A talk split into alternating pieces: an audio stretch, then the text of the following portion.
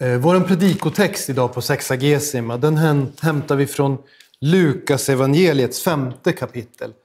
Det är de första elva verserna.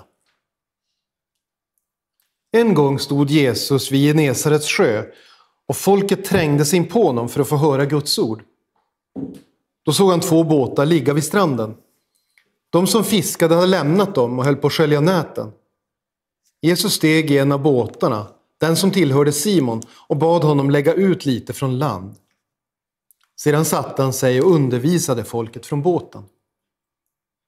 När han hade slutat tala sa han till Simon, gå ut på djupet och lägg ut era nät till fångst. Simon svarade, Mästare, vi har arbetat hela natten och inte fått något. Men på ditt ord ska jag lägga ut näten. De gjorde så och de fick så mycket fisk att näten höll på att brista. Då vinkade de åt sina vänner i den andra båten att komma och hjälpa dem. Och de kom och fyllde båda båtarna så att de var nära att sjunka. När Simon Petrus såg detta föll han ner vid Jesu knän och sa Gå bort från mig, Herre. Jag är en syndig människa. Han och alla som var med honom hade gripits av bävan inför fångsten de hade fått. Även Jakob och Johannes, Sebedeus söner, som fiskade i lag med Simon. Men Jesus sa till Simon, var inte rädd. Från och med nu ska du fånga människor. Då drog de upp båtarna på land, lämnade allt och följde honom. Amen. Herre, helga oss i sanningen. Ditt ord är sanning. Amen.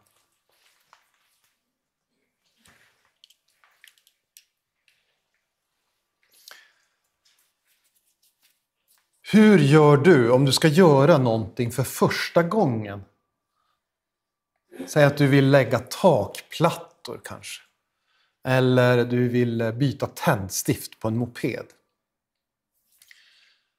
En vän till mig läser alltid manualen först. Han googlar och, och läser allt han kan hitta och sen försöker han göra saker själv. Lägga takplattor som känns där som att man gärna vill hyra någon som är yrkeskunnig. Han lyckas nästan alltid. Han vill gå steg för steg metodiskt och följa instruktionerna. Andra tycker om att se andra göra något först och försöka memorera hur de gör, vad de har för knep. Och sen tänker man, nu när jag sett det med mina egna ögon, då kan jag göra det. Då känns det tryggt. Medan andra som, tror man kallar det, kinestetisk lärstil. Andra behöver göra det själva. Be om ursäkt mamma att jag tar dig som exempel. Min mamma om hon ska lära sig något nytt på datorn. Då behöver man visa först och sen får man säga åt henne, klicka på Skype-symbolen, det stora vita s -et. Sen ska du skriva in ditt användarnamn och så behöver hon göra det själv. Och när hon har gjort det själv, då sitter det. Vi lär oss på olika sätt. Men det som är det viktigaste när vi ska tjäna Gud i hans rike, det är att det är hans kraft som är verksam.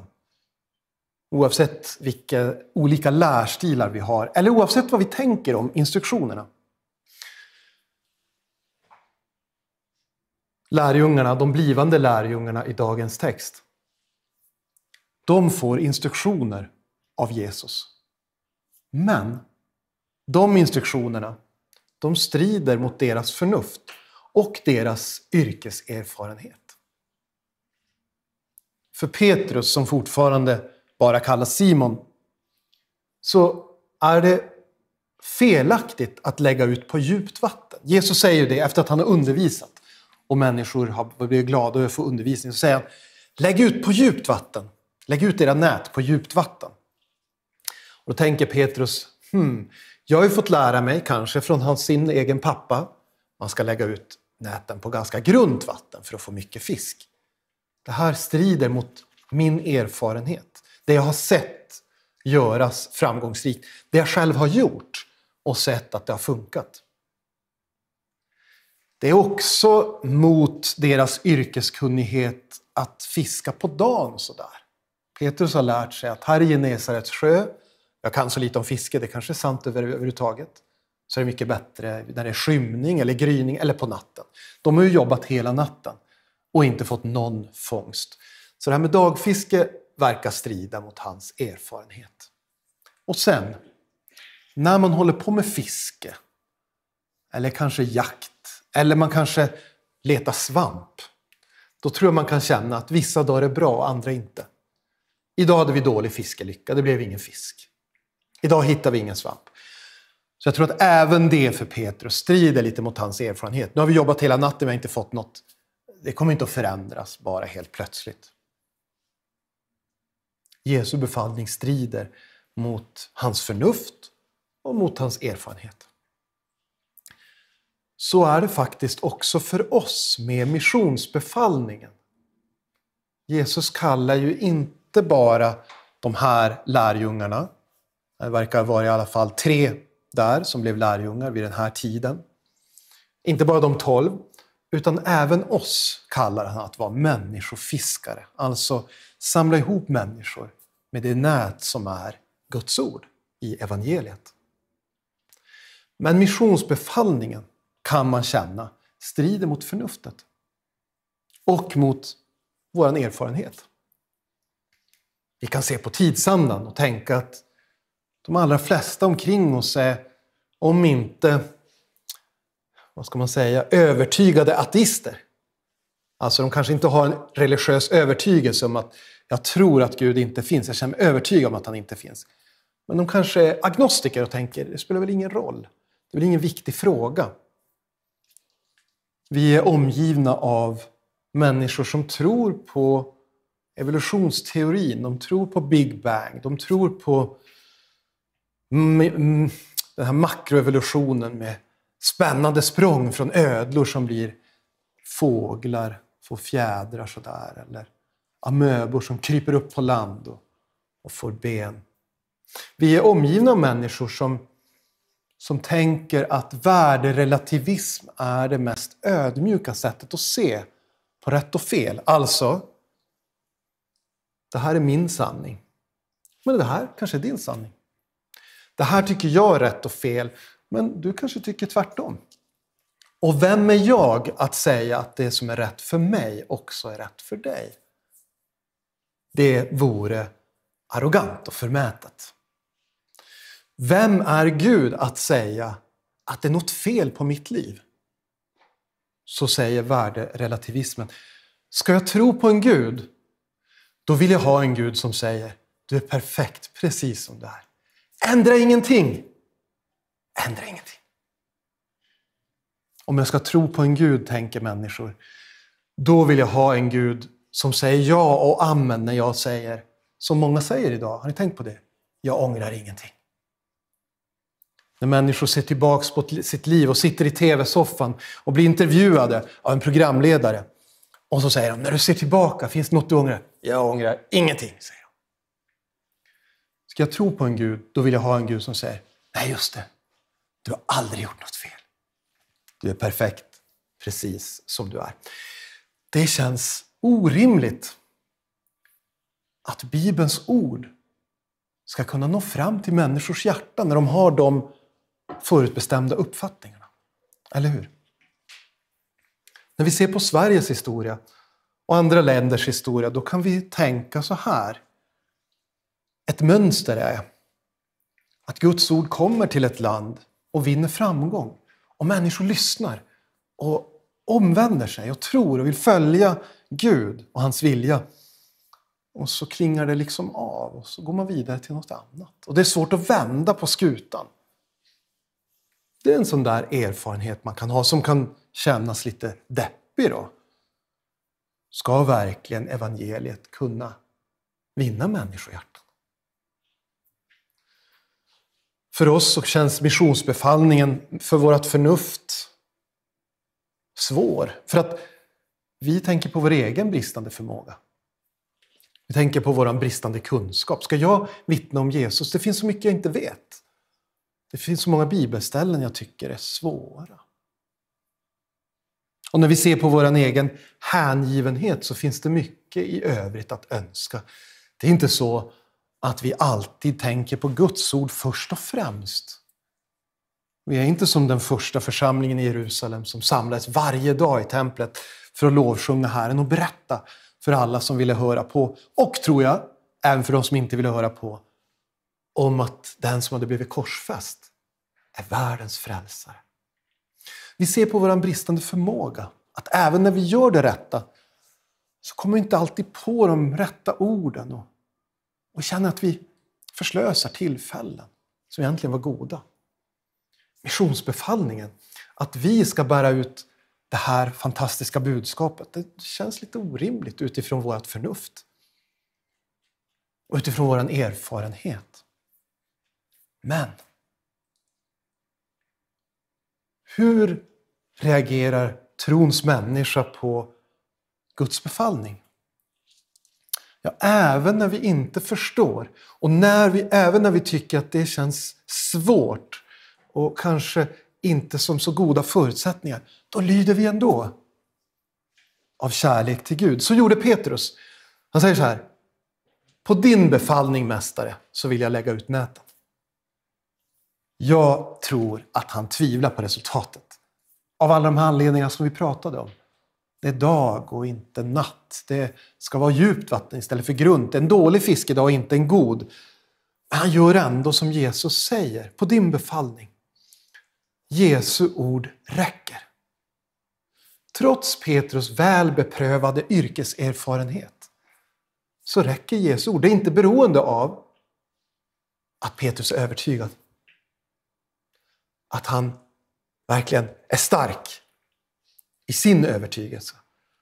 Utan det är Jesu ords kraft som ger resultat. Och resultatet är häpnadsväckande. Så att förmodligen alla de som var på stranden står så här. De hade erfarenhet av fiske, även om de inte själva var fiskare. Båtarna håller på att sjunka. Det är så mycket fisk. De får inte bara fångst. De får inte bara mycket fångst så de kan tycka det här var en bra dag. De får överväldigande mycket fångst. Och så är det. Gud ger mer än vad vi vågar hoppas.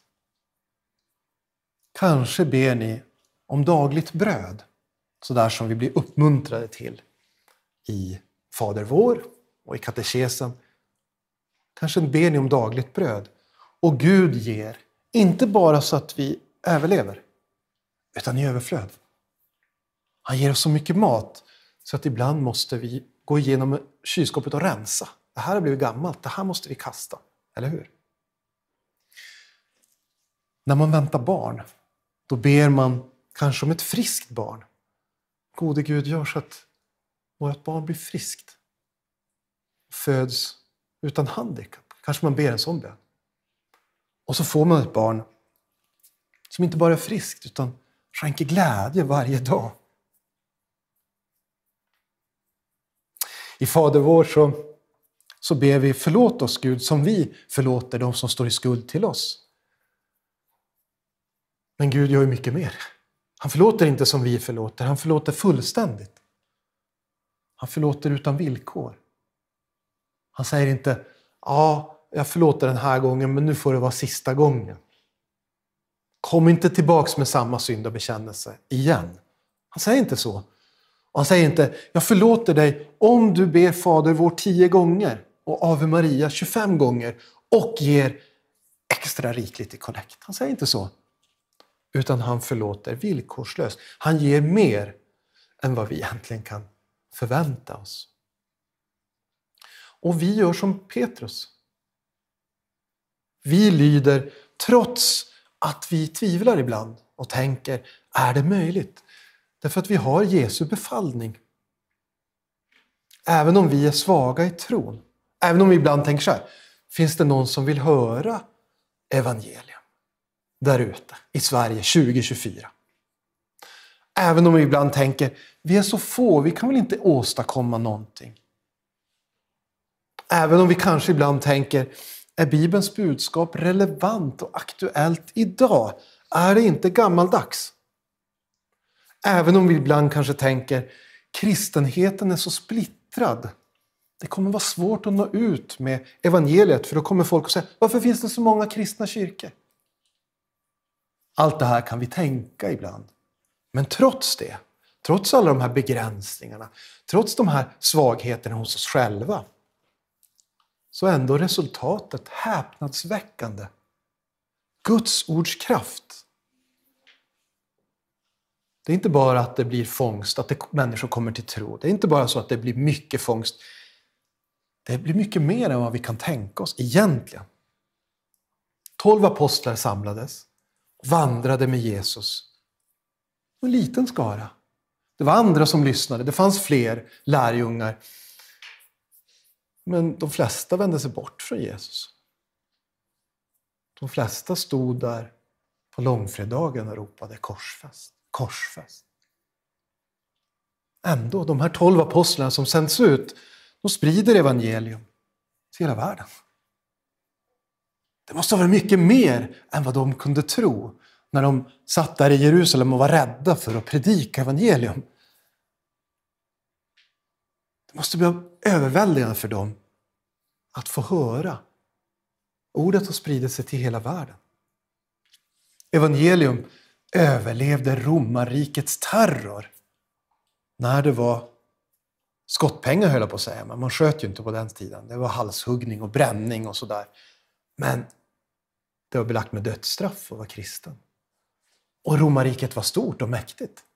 Men evangelium överlevde och växte sig starkare. Evangelium överlevde legalismen.